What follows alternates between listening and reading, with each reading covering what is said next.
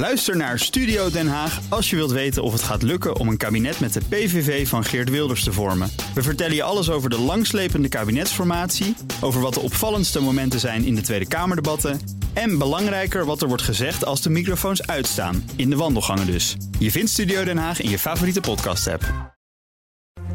BNR Bouwmeesters wordt mede mogelijk gemaakt door Bouwend Nederland. De bouw maakt het. BNR Nieuwsradio. Zet je aan. BNR Bouwmeesters. Aardbevingen, vluchtelingenopvang en ambitieuze projecten. Dit zijn de uitdagingen voor de bouw in 2016. Jan Posma. Waar afgelopen jaren een aantal grote bouwbedrijven en ook kleinere in de problemen kwamen en bij Alphen zelfs twee kranen omvielen, liet de woningmarkt zich dan weer juist van een positievere kant zien. Het was een roerig jaar in de bouw, maar wat staat ons in 2016 te wachten?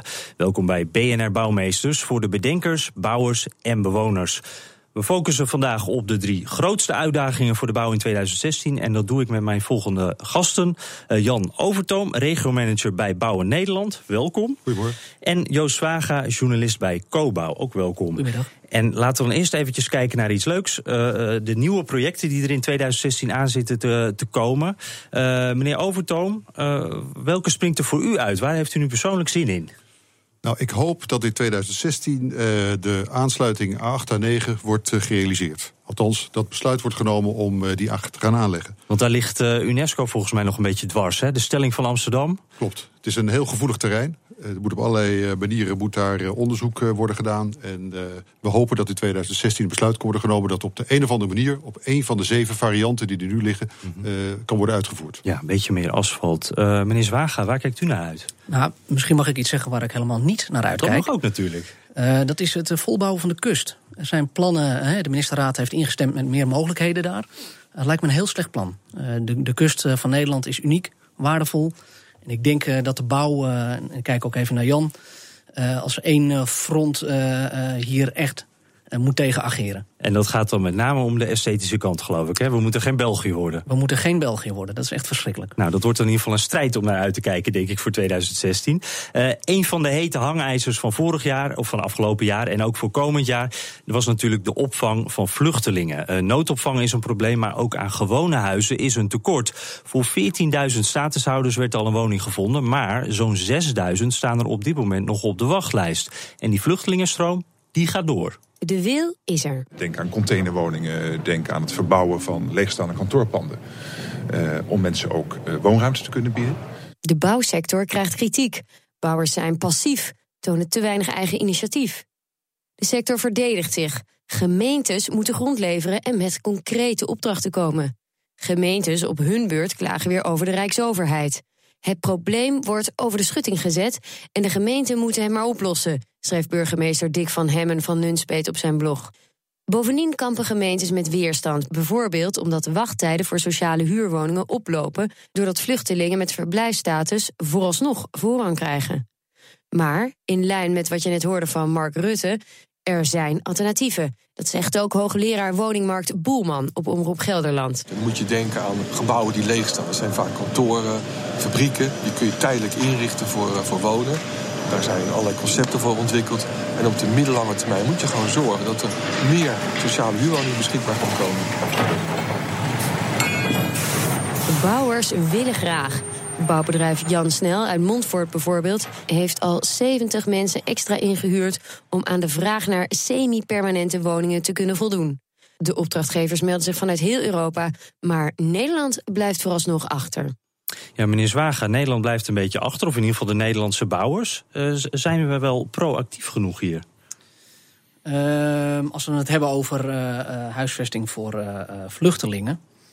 Uh, ja, ik, ik, vraag me af, wat, wat, wat, kan je, wat kan je verzinnen als bouwer? Uh, het zijn, ik, hoor net de naam Jan Snel. Dat is natuurlijk een, een, een, bouwer van flexibele huisvesting. Dat is niet het recht toe recht aanwerk wat de gemiddelde woningbouwer doet. Die is in een succes mee. Dat klopt. Die heeft nu even geluk. Uh, ik denk, als we het over het, uh, over het huisvestingsvraagstuk van de vluchtelingen hebben... Uh, is er een unieke kans, denk ik, op dit moment in Nederland... waar we kampen met enorme leegstand van kantoren om daar wat aan te doen. Dan sla je twee vliegen in één klap. Je, je komt van je leegstand af. Tegelijkertijd heb je een plek voor vluchtelingen. Als die uiteindelijk weer het land uit moeten, om welke reden dan ook dan komen die panden natuurlijk prima beschikbaar voor bijvoorbeeld studenten. Ja, en dan kunnen ze weer daarvoor gebruikt worden natuurlijk. Meneer Overtoom, ligt daar inderdaad de sleutel, die lege kantoorgebouwen?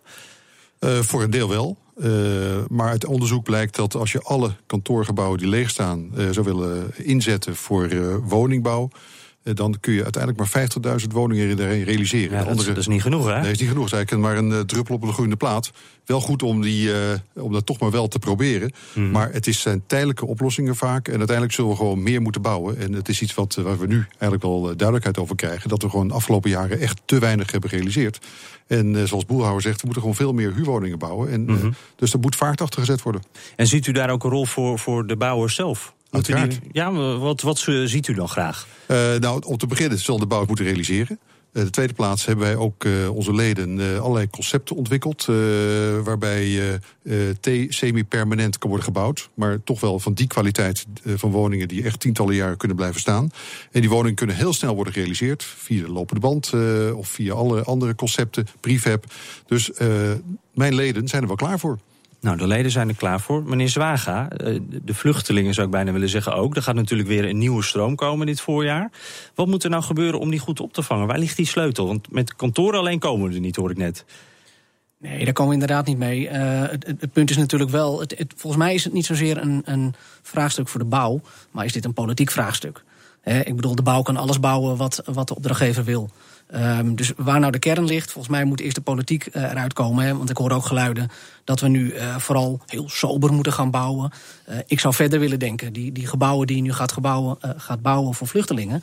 die moet je later ook weer voor een ander doel kunnen inzetten.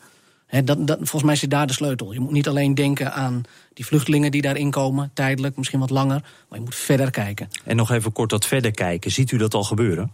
Dat zie ik niet gebeuren. Nee, zeker niet. Nee, dus, daar moet op ingezet worden dan, die flexibilisering? Um, of zou een van de dingen zijn? Op zich wordt er natuurlijk wel steeds flexibeler gebouwd. Hè. Er worden woningen gebouwd waar je uh, levensloopbestendig, hè, waar je je hele leven in kan, uh, kan blijven wonen. Makkelijker aan te passen. Dat is natuurlijk wel gaande, maar dat, ja, ik kijk ook even naar Jan. Ik denk dat dat nog ja, dat, dat is in de marge. Dat, dat is niet over de volle breedte. Uh, nou, ik denk, heel kort. Ja? ja? ik denk dat het uh, probleem uh, op dit moment ook zit in de lange procedures. er zijn plannen, corporaties willen bouwen, die hebben locaties. alleen duurt het dan toch nog maanden en maanden mm. voordat besluitvorming er doorheen is. En ik denk dat we daar eigenlijk met z'n allen ook politiek gezien, en daar geef ik Joost een groot gelijk in, dat we gewoon daar echt wat druk achter moeten zetten. Want anders, ja, kijk, anders krijg je gewoon enorm grote aantallen mensen die zitten te wachten. Nu zijn het er al veel en dat worden dan nog veel en veel meer. Ja, gesproken over mensen die zitten te wachten. Groningen, de gaskraan gaat steeds verder dicht, maar de schade blijft en de aardbevingen voorlopig ook. En daar ligt ook een grote uitdaging voor de bouwwereld. Hoe krijgen we de Groningse huizen aardbevingbestendig? Wij zaten televisie te kijken en in één keer was het nou tegen vijf over acht, tien over acht... en in één keer een knal en een dreun en, en het hele huis trilde. En... Uh, dat was ook voor het eerst dat wij zo'n enorme aardbeving voelden. Om huizen tegen aardbevingen te beschermen, moet er verbouwd en verstevigd worden. 3000 woningen zouden in 2015 worden aangepakt, beloofde minister Kamp. En hij stelde 850 miljoen euro beschikbaar. Slechts enkele tientallen woningen staan nu in de stijgers. Dat versterken kost per pand zo'n 120.000 euro en kan een mooie omzetboost betekenen voor bouwbedrijven. Lokale bouwbedrijven wel te verstaan. Dat is tenminste de bedoeling al is die ambitie soms lastig te realiseren. En zegt Arjan van der Leur van Centrum Veilig Wonen tegen RTV Noord. Wij moeten grote aantallen uh, halen. En dat betekent ook dat je in eerste instantie ook, en hoe vervelend dat ook mogen zijn, maar in eerste instantie ook gaat kijken naar partijen die die continuïteit kunnen gaan leven. Hoop is desondanks dat lokale bedrijven de renovaties voor een steeds groter deel voor hun rekening gaan nemen. Ja, meneer Zwaga van Cobouw, uh, de ambitie was... die lokale bouwers moeten daar ook uh, in mee gaan helpen. Die moeten daar ook opdrachten voor krijgen. Dat is toch niet echt gelukt. Hoe komt dat? Nou, nog niet gelukt. Ik, ik denk dat we nog maar in de voorfase zitten. En ik hoor net in het filmpje iemand van het Centrum Veilig Wonen spreken. En ik denk dat hij gelijk heeft.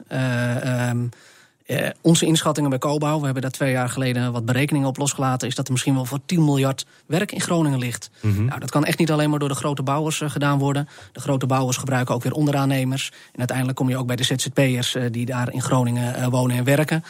ik, denk, ik denk dat dat vooral even nog geduld is iedereen komt wel aan zijn trekken, denk ik. Kijk, de Groningers moeten nog even geduld hebben. Meneer Overtoom, zou daar ook een rol voor de grotere bouwbedrijven kunnen liggen... om die kleinere bouwbedrijven juist in het noorden erbij te betrekken?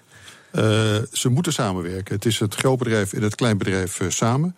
Uh, op dit moment zie je dat het, de opdrachtenstroom langzaam begint. Er zijn nu 50 nul op de meter woningen opgeleverd. Dat zijn inderdaad investeringen van meer dan een ton per woning.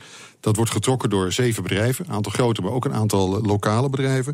Maar het belangrijkste is dat het Centrum Veilig Wonen werkt met erkende gecertificeerde bedrijven. En dat gaat, uh, je wordt gecertificeerd als je mensen die daar werken uit Groningen komen en uh, getoetst zijn. Dus dat is echt een voorwaarde? Dat is een voorwaarde. En ja, dat is de enige manier om het goed te laten werken. Kijk, zoals de voorzitter van Bouw Nederland ook zei, ja, na de lasten ook de lusten. Uh, daar hebben ze de problemen, het gas is weggehaald, de problemen zijn daar. Dan moet je ook de Groningers de kans geven om het zelf uh, te verbouwen. Mm -hmm. Dus dan komt het uiteindelijk er wel op neer, die bureaucratie, die is weer even terug hier, ook in dit onderwerp. Hier moeten we echt inderdaad, wat meneer Zwager ook zegt, een beetje geduld in hebben. Nou nee hoor, ik denk dat de start echt gemaakt is. En 2015 was het startjaar, maar het gaat nu in gezwind tempo verder. En ik uh, weet ook, ik heb ze laatste hier in uh, Wochtem zien staan. De, de voorgevels voor de woning in Loppersum. Uh, aardbevingsbestendig, duurzaam. Dus ja, er wordt al flink bereid en, en, voorbereid. En dat kan straks allemaal ter plekke worden uitgevoerd. Ja, Groningen, wees klaar. ze komen eraan. Maar wanneer zijn ze dan af, die 3000 beloofde woningen? BNR Nieuwsradio. Zet je aan. BNR Bouwmeesters. Ja, de aardbevingen in Groningen hebben voor veel schade gezorgd aan de Groningse huizen. Uh, eerder moest minister Kamp al door het stof, want uh, 3000 woningen die versterkt zouden worden. Ja, het is nog niet gebeurd, deadline niet gehaald. Uh, we blikken vooruit op het jaar 2016 en wat voor uitdagingen daar liggen in de bouw. Dat doe ik met mijn gasten Jan Overtoom, regiomanager bij Bouw in Nederland en Joost Zwaga, journalist bij Cobouw. Ja, die belofte van minister Kamp. 3000 woningen die versterkt, gerenoveerd, helemaal klaar zouden moeten zijn. Uh, er staan er nu, uh, nou, volgens mij, uh, ruwe schattingen, tientallen in de stijgers. kunnen we daar toch even, behalve die bureaucratie, iets in aanwijzen? Hoe, hoe kan dat nou, meneer Overtoom, dat dat zo moeilijk gaat? Nou, kijk, de, voordat je de woning kunt gaan pakken, moet je eens kijken wat de schade is. Dus je hebt experts, die moeten een schaderapport opmaken. Die komen daar, dat duurt een aantal weken. Dan krijgen de mensen de, de keuze wat ze ermee kunnen gaan doen. Of ze het zelf kunnen uitvoeren, of dat ze een aannemer inschakelen. Ja, en dat is een hele procedure, die moest ook op gang worden gezet. Mm -hmm. het gaat ook met de vakmanschap uit de regio. Dat wordt erbij betrokken, dus je moet mensen certificeren. En al met al, ja, het heeft een aanloopfase gehad. Maar ik ben er niet ontevreden over. Maar dat, eigenlijk ook heel logisch dan, als u dit zo uitlegt dat het wat langer duurt. Maar had Kamp die belofte dan wel moeten doen? Arme Groningers, die dachten allemaal dit jaar wordt het nog geregeld. Is niet gebeurd. Nee, nou, dan heeft hij iets te grote boek aangetrokken. Ja, toch uh, iets, te, iets te optimistisch geweest, uh, Zwaga? Nou, misschien niet eens optimistisch, maar is dat niet gewoon politiek? Je, je, je belooft de bevolking wat, de bevolking was in rep en roer. Ik snap dat wel. zo gaat het vaak. Dit was toch even een, eh, een doekje voor het bloeden. En uh, daarna kijken we weer verder. Ik vind, ik vind het tempo ook niet zo heel erg belangrijk. Dat je die 3000 nu nog niet klaar hebt, mm -hmm. is niet zo heel erg. Maar ik kan me voorstellen dat ze daar in Groningen heel anders over Nee, denken. natuurlijk. Als het jouw huis betreft, is dat, is dat uh, misschien wel uh, dramatisch zelfs. Alleen uiteindelijk gaat het er natuurlijk om dat het goed gebeurt. dat je ook echt iets neerzet wat, hè, waar je wat aan hebt. Niet alleen maar eventjes wat wegplamuren. Nee, gewoon echt, echt goed aanpakken. Mm -hmm. ja, Kijk, het gaat om schadeherstel, het gaat om veiligheid, het gaat om verduurzamen. Eigenlijk drie aspecten tegelijk. En ja, dat, uh, dat heb je niet op een achternaamiddag geregeld. Nee, uh, dat, uh, dat blijkt ook wel uit het bedrag. 850 miljoen euro voor beschikbaar. nou is ja. dat genoeg? Nee, natuurlijk niet. Wat, wat, ik al, wat ik al eerder zei, we hebben berekeningen gemaakt. En we zijn toen uitgelachen, twee jaar geleden, dat dat naar 10 miljard gaat. He, er is nu een klein miljard beschikbaar. dat gaat over 3.000 tot 4.000 woningen ga je de rekensom maken naar 40.000 woningen, want dat zou best wel de opgave kunnen worden, mm -hmm. dan zit je al snel naar de 10 miljard. We werden toen uitgelachen. Langzaam zie je dat die, dat die mening uh, draait en dat, dat men inziet dat dat natuurlijk een bedrag wordt veel, veel van die 800 miljoen is. Want die 10 miljard die u nu, noemt, dat gaat dan echt om de, om de aardbevingsgebieden waar we het dan over hebben. Die moeten dan allemaal gerenoveerd en, en opnieuw uh, aardbevingsbestendig nou ja, gemaakt. Dan heb je het over aardbevingsbestendig maken, maar ook het schadeherstel uh, en verduurzamen. Hè. Uh, er is natuurlijk een unieke kans om in Groningen uh, uh, een hele, hele woningvoorraad die aangepakt moet worden omdat er schade is, ook meteen te verduurzamen. Nul op de meter, EPC 0, hoe je het ook wil noemen. Dat maakt me niet zoveel uit. Maar je kan daar een soort prachtige proeftuin van maken. Groningen als het voorbeeld van hoe je een hele grote voorraad in een misschien wel hele snelle tijd Ja. heel goed duurzaam kan krijgen. Ja, ze hebben al een blauwe stad, dus het groene Groningen zou, Ja, ja. Ook, eh, zou ook kunnen. En over wat voor, eh, soort, eh, wat voor tijdsbestek hebben we het dan over? Ja, dit is een, dit is een tijdsbestek van jaren, uiteraard. Hè, eh, eh, zelfs als je alle bouwcapaciteit die in Groningen aanwezig is inzet, dan nog ben je hartstikke lang bezig. Maar kun je daar iets, eh, is dat tientallen jaren, de komende jaren? Nee, eh, de, de tientallen jaren, denk Ja. ik. Ja. Ja, of Kijk, Tom? ja, het zijn, het zijn dagkoersen. Elke Mhm. maand hebben ze weer een ander aantal woningen waar ze Ja. over hebben. Nu het laatste wat ik hoorde was... eh, ja, we willen in, eh, in vijf jaar zo'n 10.000 woningen aanpakken. Nou ja, goed, dat zou heel mooi zijn als dat lukt. En, maar dan zijn we nog niet klaar. Wat dat betreft eh, ben ik met Joost eens. Dat gaat nog een aantal jaren extra duren. Ja, grote ambities. Eh, niet alleen voor de Groningers was het een moeilijk jaar, eh, voor veel Groningers, maar ook voor bouwers in de infrasector. Eh Ballas Nedam gaat van de beurs en eh, de infradivisie van Heijmans schoot maar liefst 15 miljoen in het rood. Waar het op zich weer redelijk gaat met de bouw, gaat het bij de realisatie van grote infrastructurele projecten nog niet zo goed. De markt is lastig, zei financieel topman Rooyen van Volker Wessels eerder dit jaar tegen tijdschrift Cobouw. En infrakoning Ballas Nedam wordt genadeloos ontroond, Het bedrijf heeft het zelf over een moeilijk jaar waarin een dramatisch operationeel verlies werd eh, geleden. zegt BNR's Paul Lazur afgelopen mei al. Ze kwamen in zware financiële problemen door de verliezen op twee grote infrastructuurprojecten, twee bodemloze bouwputten kun je zeggen. De A15 bij Rotterdam en de A2. Het bedrijf is inmiddels overgenomen door Turkse Renaissance en verlaat binnenkort stilletjes de beurs. Internationale bedrijven werken hier graag mee aan infraprojecten. Zo bouwt het Oostenrijkse Strabag mee aan de verbreding van de A15 in het Botlekgebied. De concurrentie is dus hard, maar dat komt omdat de projecten ook wel erg mooi zijn. De A4 tussen Schiedam en Delft is net af, maar nieuwe megaprojecten staan op stapel. Wat dacht je bijvoorbeeld van het project Zuidasdok? Het project dat onder andere de A10 daar bij de Amsterdamse Zuidas onder de grond moet doen verdwijnen. De inschrijving voor dit grote project staat gepland voor eind 2016. Dat is in ieder geval een heel mooi, eh, eh, mooi project wat eraan eh, zit te komen. Voor de komende jaren gaat het natuurlijk veel werk opleveren. Bijdrage van Elfenie Toulaar. Meneer Swaga, hoe komt het dat de infrastructuur nog wel nog steeds achterloopt? achterblijft bij de rest van de bouw. We zien de woningmarkt aantrekken, maar hier gaat het nog steeds moeilijk. Ja, de woningbouw herstelt, de wegenbouw niet. Heel simpel, denk ik. Het is natuurlijk een kwestie van vraag en aanbod. Of je hebt meer werk nodig, of je hebt minder bedrijven nodig. En ik heb slecht nieuws voor de bouw. Ik denk dat in de infrasector eh, er, gewoon nog te veel capaciteit is. Eh, daar zal wat af moeten willen er weer eh, gezonde marges ontstaan. Want wat je nu ziet, is als er dan weer een mooi project komt, of dat nou een heel groot ondertunnelingsproject is of een, of een kleine rotonde.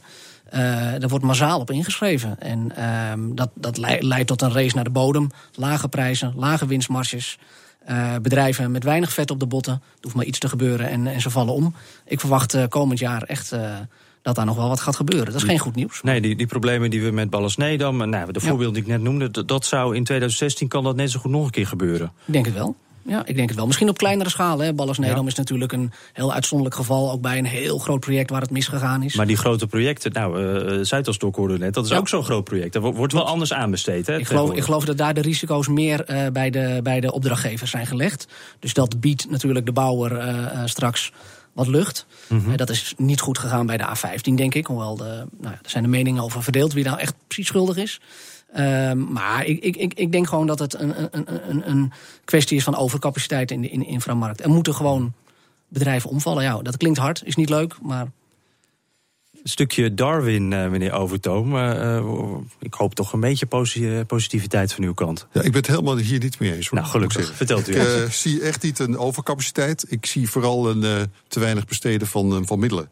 Kijk, waarom de infra nu niet goed loopt, is omdat de bezuinigingen bij de overheden eigenlijk later zijn gestart en ook langer doorlopen. Maar er is natuurlijk ongelooflijke behoefte aan, aan werkende infra. We zien dat de filedruk is met 25% toegenomen. Eh, we zien eh, dat er meer autoverkeer eh, komt omdat de economie aantrekt. We zien dat er genoeg plannen zijn om uitgevoerd te worden. Alleen ja, als er geen geld voor beschikbaar wordt gesteld, ja, dan is gewoon de markt te klein. Maar net als bij de huizenmarkt, waar we te laat hebben geconstateerd dat er meer gebouwd moet worden, zullen we straks ook zien bij de infra dat we te laat weer anticiperen op gewoon grotere behoeften. Mhm. We hebben het laten uitrekenen door het EIB tot 2050 hebben we nog 400 miljard te investeren. Is een enorm bedrag, het gaat ook over langere tijd. Hoe, hoe komt u aan dat bedrag? Want, want hoe weet u wat Nederland nou nog nodig heeft? En, en om wat voor dingen gaat dat dan? Nou, het gaat om 160 miljard onderhoud. Het gaat om 50 miljard vervanging, voor kunstwerken met name. 90 miljard reconstructie en 100 miljard nieuwbouw. Dat zijn enorme bedragen. Het gaat ook over heel Nederland. Maar we hebben het wel nodig. Want we willen gewoon een goed infrastructuurnet hebben. Openbaar vervoer, voor autoverkeer. Maar denk ook eens even aan de ondergrondse netwerken. Elektra, enorm belangrijk. Straks, als we minder gas hebben, gaan we meer via het elektriciteitsnet elektra heen en weer vervoeren. Dus ook zeg maar als particulier afstaan. En, en betere, dat stelt hoge eisen. Betere internetkabels betekent meer thuiswerken en minder op de weg. Ja, dat zou heel mooi zijn. Want, maar die, die ontwikkelingen hebben we ook. En Ja. zelfrijdende auto's, waardoor we misschien efficiënter met die wegen om kunnen Ja, gaan. Dat is, dat ook meegenomen in die cijfers? ja. En Zeker. toch hebben we nog die investering nodig. Absoluut. Kijk, om te beginnen, we hebben nog in Nederland eh, ongeveer 1 miljoen nieuwbouwwoningen nodig. We hadden net al even over de asielzoekers. Mhm. Maar in totaal komen er 1 miljoen huishoudens bij. Dat betekent 1 miljoen woningen. Dat betekent infrastructuur voor 1 miljoen woningen. Ondergrondse netwerken voor 1 miljoen woningen, et cetera. Kortom, er is nog enorm veel werk. Maar als er geen geld voor beschikbaar wordt gesteld... Hm. ja, dan heb je inderdaad te maken met aannemers die te weinig werk hebben... en dan hele rare dingen gaan doen. Ja, en dan eh, kan ik Joost alleen maar gelijk geven. Eh, meneer Zwaga, het, het ligt dus eigenlijk niet aan eh, het aanbod van eh, eh, bouwers, maar het ligt aan het geringe aanbod aan opdrachten. Nee, maar dat zeg ik ook. Het is of een kwestie van meer werk of een kwestie van Ja, minder we bouwers. maken gewoon de dat is, hoger. Dat is de eh, situatie nu. En ik snap natuurlijk dat Bouw Nederland eh, vraagt om meer investeringen vanuit de overheid voor de infrastructuur. Zou ik ook doen. Het is natuurlijk ook de lobby en die is terecht. Ehm, ja, het is altijd, ik vind dat moeilijk om in de toekomst te kijken. En, en Mhm. ik heb veel EUB-onderzoeken gezien. De meeste kloppen uitstekend. Goede club. Ehm, maar ze kloppen ook niet altijd. Ja, dat blijft ook natuurlijk juist bij de infra, die lange termijn, dat blijft moeilijk. Eh, we, we hebben nu drie kwesties besproken. Hè. De vluchtelingenhuisvesting, Groningen en, en de aardbevingsbestendige huizen. En eh, hoe moet het verder met de, de, de bouwers in de infrastructuur? Als we hier nou over een jaar weer staan, in 2017. eh, meneer Zwager, welke kwestie is dan opgelost? En met welk probleem zitten we nog steeds, denkt u? Nou, ik denk dat we met al die problemen nog zitten. We hebben ze allemaal nog. Ja, kijk, aan de ene kant is natuurlijk zo'n vluchtelingenkwestie, eh, maar ook Groningen. Is natuurlijk eigenlijk heel mooi voor de bouw. Als die er nou niet zouden geweest kansen. zijn, eh, waarschijnlijk zouden er dan nog, nog meer bedrijven wegvallen. Het biedt kansen, inderdaad. Eh, dus, dus op zich prachtig. Eh, dramatiek levert de bouw misschien toch geld op. Ik wou toch één ding nog zeggen, want we hebben het nu de hele tijd over bouwproductie. Hè? Groei of niet groei. Maar waar het uiteindelijk om gaat is natuurlijk dat die bouwbedrijven eens wat geld gaan verdienen. En dat is een groot probleem. Dat hebben ze de laatste jaren laten zien. Eh zijn ze niet goed in. Eh, wij komen eh, in de eerste week van januari met een verhaal met zes topmannen van de grootste bouwbedrijven van Nederland. En die zeggen dat ook. Zeggen van prima, de bouwproductie gaat wat stijgen. Mhm. Maar de vraag is nu, hoe gaan we er ook geld aan verdienen? Hoe gaan we de portemonnee vullen? ja. Nou, lees eh Cobouw zou ik zeggen. Meneer Overtoom, ook aan u de vraag. De, de drie punten die we net genoemd hebben, welke hebben we opgelost? Nou ja, we hebben natuurlijk niks in een jaar opgelost. Dat, we- er wordt aan gewerkt. Maar ik zie wel 2016 als een positief jaar. We Ja. gaan richting de verkiezingen. De overheid eh, deelt weer cadeautjes uit. Mensen wordt, eh, gemotiveerd, worden gemotiveerd om optimistisch te worden, weer te investeren. De huizenmarkt eh, floreert, althans in het westen van het land. En ik denk dat onze leden eh, weer aardig veel werk gaan krijgen. En eh, voor het grootbedrijf is het moeilijk om de marges te halen. Voor het eh, midden-kleinbedrijf zal dat wat makkelijker zijn. Kijk, dus in ieder geval op een positieve noot eindigen we. Dank. Jan Overtoom, regiomanager bij Bouwend Nederland. En Joost Zwaga, journalist bij Cobouw. Tot zover ook deze uitzending van BNR Bouwmeesters. Terugluisteren kan natuurlijk altijd via bnr.nl slash bouwmeesters. En wij bouwen ondertussen door aan de volgende uitzending. Benieuwd waar die over gaat? Of heb je suggesties? Volg ons dan op Twitter, @bnrbouw. Of mail naar bouwmeesters.bnr.nl. Dank voor het luisteren en veel plezier bij Spitsuur. Terugluisteren? Ook dit programma vind je terug in de BNR-app. BNR Bouwmeesters wordt mede mogelijk gemaakt door Bouwend Nederland. De bouw maakt het. Ook Bas van Werven vind je in de BNR-app. Ja, je kunt live naar mij en Iwan luisteren tijdens de ochtendspits. Je krijgt een melding van Breaking News. En niet alleen onze podcast Ochtendnieuws, maar alle BNR-podcasts vind je in de app. Download nu de gratis BNR-app en blijf scherp.